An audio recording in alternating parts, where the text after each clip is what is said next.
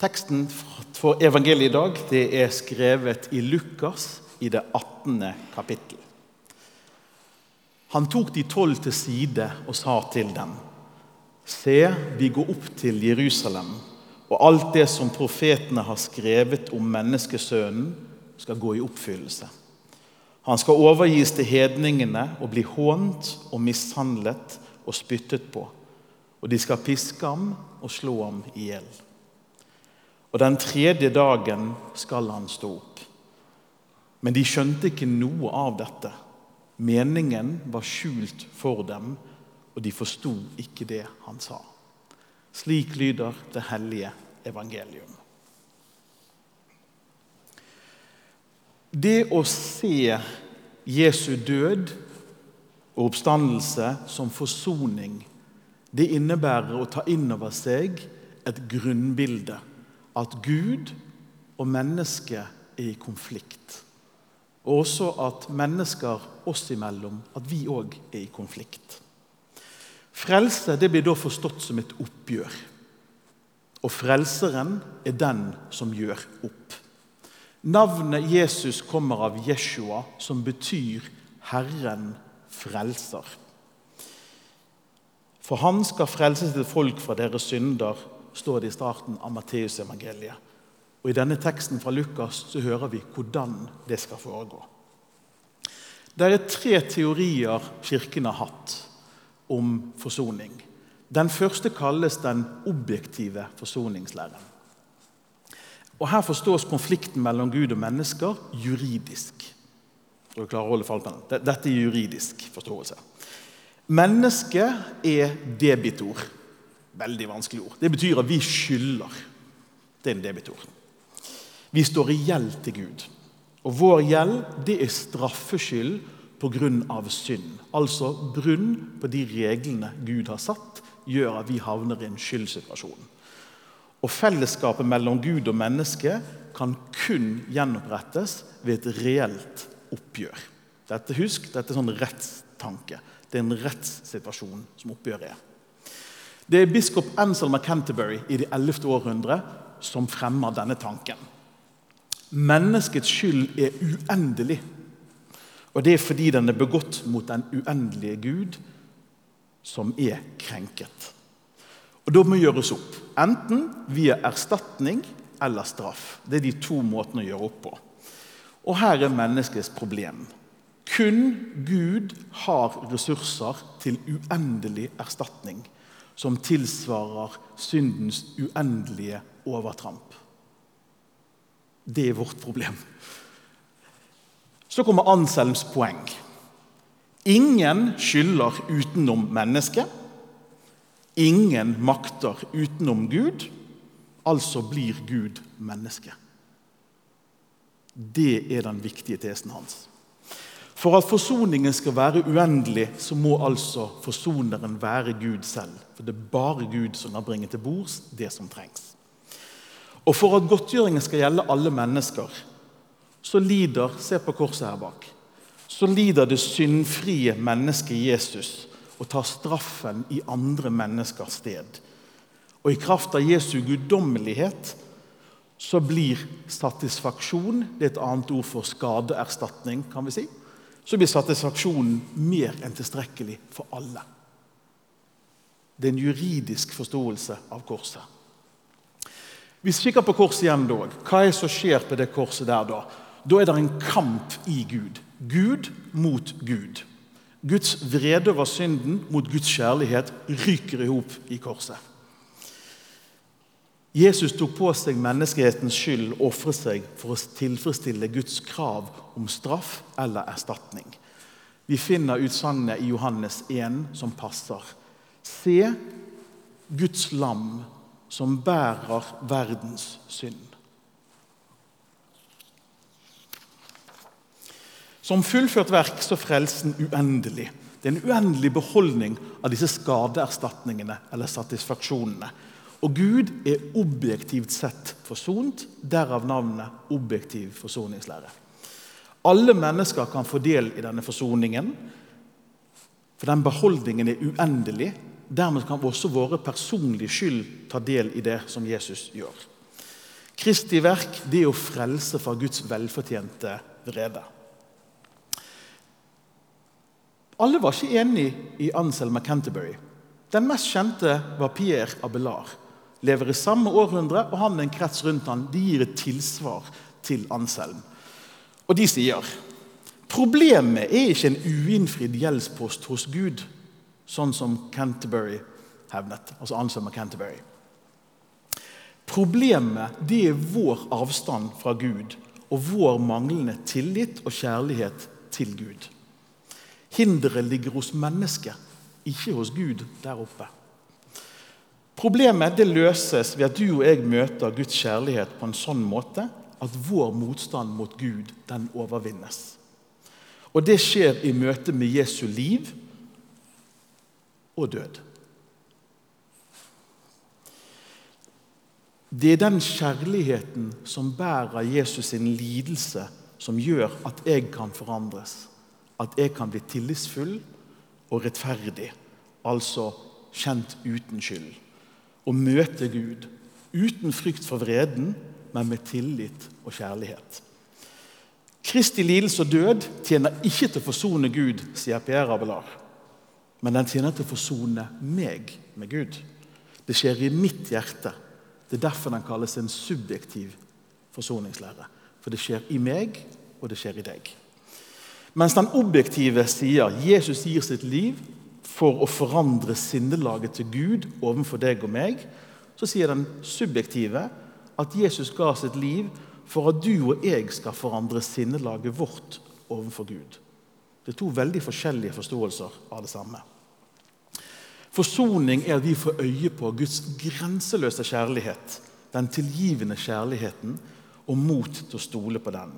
Og så blir vi erklært rettferdige, altså uten skyld, ved kjærligheten. Gud elsker og både kan og vil tilgi den som omvender seg fra synden, og som begynner å elske Gud. Fortellingen du kan klare å huske, for den tror jeg mange kan, det er fortellingen om den bortkomne sønnen som kommer hjem. Det er eksempelfortellingen på den subjektive forsoningslæren. Sønnen kommer til seg selv og søker sin far. Men så er det en betingelse her, og det er viktig. Det må være virkelig Guds kjærlighet vi møter. Og For at det skal være virkelig Guds kjærlighet, så må Jesus være Gud. Kan ikke være noen annen. For at hans død på kors skal være troverdig kjærlighetshandling, så må døden til Jesus være reell. Jesus faktisk dør. Og så må det svare på et reelt behov. For ellers ville Guds kjærlighet vært på liksom. Alt må være reelt. Den objektive forsoningslæren, da er Gud kreditoren som krever inn gjelden. Den subjektive så er det som at Gud er debitoren. Den som ser ut til å skylde mennesket fra evighet kjærlighet til sine skapninger. Det er som Gud står i en gjeldsposisjon til oss. Det positive her er en utrolig sterk markering av kjærligheten til oss. Så har vi noen problemer med disse to. Overbetoner du den ene eller den andre, så får vi et problem. Overbetoner vi Gud som kreditor, så blir Gud fremstående som hevngjerrig, som nesten hatsk og som helt urimelig. Hvis vi bare kjører i det sporet. Eksempelvis en salme. 'Jeg har en venn som har gitt sitt liv for at jeg skal få leve.' 'Finnes intet alternativ, nytter ikke å streve.' 'Fordi jeg lever som hvilevidt ifra Guds vilje med livet mitt,' 'fikk jeg dommen, slik løden, du skal dømmes til døden.' Da tar vi rett i den objektive. Hvis vi overbetoner den subjektive, så mister vi at Gud er hellig. Hvis vi bare betoner den. Gud reagerer på synd, og guddommeligheten kommer i bakgrunnen. For forsoning handler ikke bare om å forsone våre hjerter. Det er noe mer. Så det må være en balanse mellom disse. Alvoret av egen synd og skyld forsvinner. Så begge to må være i en eller annen form for balanse. Men så manglet det liksom noe. Kirken ble ikke helt fornøyd. Gustav Aulén kommer i 1930, og så prøver han å oppsummere hva hadde de av tanker I nytestamentlig tid og i tidlig kristen tid, hvilke forestillinger hadde de om frelsen? Så fremmer han det som kalles den klassiske forsoningslæren, som er mer en forløsningslære. Forsoning er ikke regnskap. Det handler heller ikke om individuell tilkortkommenhet, altså min synd, min skyld. Frelsen det er Kristus sin seier over de onde maktene. Det er de kosmiske kreftene som holder mennesker som slaver. Det er det forsoningen handler om, at Gud kjemper med kreftene og setter fri. Og hvem er de tre man kjemper mot? Det er synden, det er døden, og det er djevelen forstått som det onde. Djevel betyr bakvasker, kommer av diabolos. Kunne også skrevet Satan, som betyr motstander. Det er disse som er kampfiendene. Og når de taper, disse tre, så blir forsoning, fellesskap og fred mellom Gud og verden mulig. Seieren den gjelder meg fordi Kristus kommer som menneske av fullt kjøtt og fullt blod. Han er en av oss. Forsoningen i denne sammenhengen er fullt og helt Guds gjerning. Det foregår utenfor mennesket. Det er sånne store kamper nesten langt unna oss. Men så er det noe som er nærmt også. Gud forbarmer seg som, over meg som synder i kjærlighet og miskunnhet. Og Kristi kors det er en åpenbaring av Guds kjærlighet der bak. Og seieren over synden, djevelen, døden. Og så den avvæpning av loven og dens krav, og av Guds vrede, og at disse kravene ikke blir innfridd. Det avvæpner hele den greia. Hvis vi betoner denne for sterkt, for det kan vi, så forsvinner vår egen synd og skyld ut. Og Da kommer vi til noe av det som for meg er viktig. Det er ikke én en enkel teori som klarer å fange forsoningen. Men legger vi sammen disse tre og prøver å balansere de litt, så tror vi kommer nærmere å forstå forsoningen. For hva er det den objektive forsoningslæren prøver å lære meg? Jo, synd er noe personlig som jeg har et ansvar overfor Gud. Gud er hellig, og jeg gjør noe galt i Guds øyne. Og så er det fine med den Gud tar min plass og gjør opp for meg, og ved troen får jeg del i dette. Der er noe fint å holde fast i også. Den subjektive fastholder at Gud er kjærlighet og nådig og ønsker ikke å ødelegge mennesket på noe som helst måte. Jeg kan våge å møte Gud i den vissheten. Og det skjer en forsoning i meg som også er nødvendig i møte med kjærligheten fra Gud. Som er nødvendig for å ta imot Gud fullt og helt med min kjærlighet. Det er noe inni meg som trenger å forandres også. Og Den klassiske for meg er den kjempeviktig, for uten den så blir det veldig vanskelig. For Den fremholder at det er noen vilkår i livet jeg ikke er herre over. Jeg bestemmer ikke alt i livet mitt der er vilkåret frigjøres fra i møte med Kristus. Synd og skyld er noe mer enn det personlige. Det, det er noe mer enn det umoralske. Det er en overpersonlig sak som jeg ikke kan bryte med alene. Det er Gud som må ta den kampen. Og Det er ikke bare innskrenket til mine egne valg. Det er altså ting jeg ikke kan gjøre noe med. Og jeg mener Det må med i dette bildet også. Behovet for en slags kosmisk forløsning. Av synden, døden, det onde. Det må nedkjempes. Det må bort. Og Samlet sett, disse tre perspektivene, det objektive, det subjektive og det klassiske, klarer vi å balansere det, så tror jeg at vi nærmer oss en riktigere forståelse av synd og skyld. Av oppgjør og hva det innebærer. Men som jeg sier, Gud er alltid større enn teoriene våre. Det er et forsøk på å forklare noe. Det er ikke hele forklaringen. Hvis vi samler alle sammen, uansett hvilken tre vi ser på, så kan vi finne noe felles. Og For meg er det noe av gullet med disse. Jeg er veldig glad i dogmatikk, som dere kanskje skjønner. Gullet er nemlig Jesus i alle tilfellene gudemenneske som bringer forsoning som en mulighet ved sin lidelsesfulle død og oppstandelse, så kjærligheten til slutt kan seire.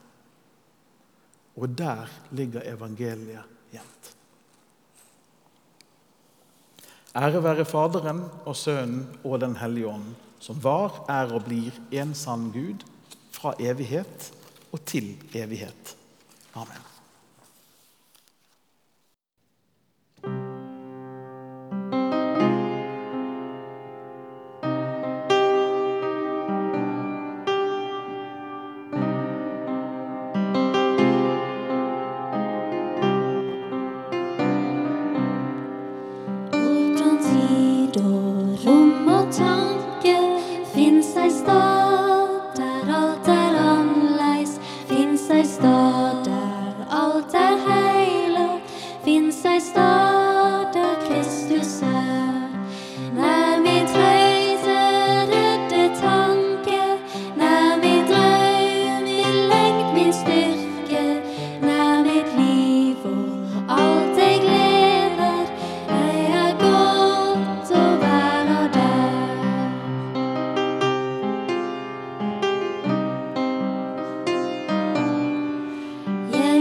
heures.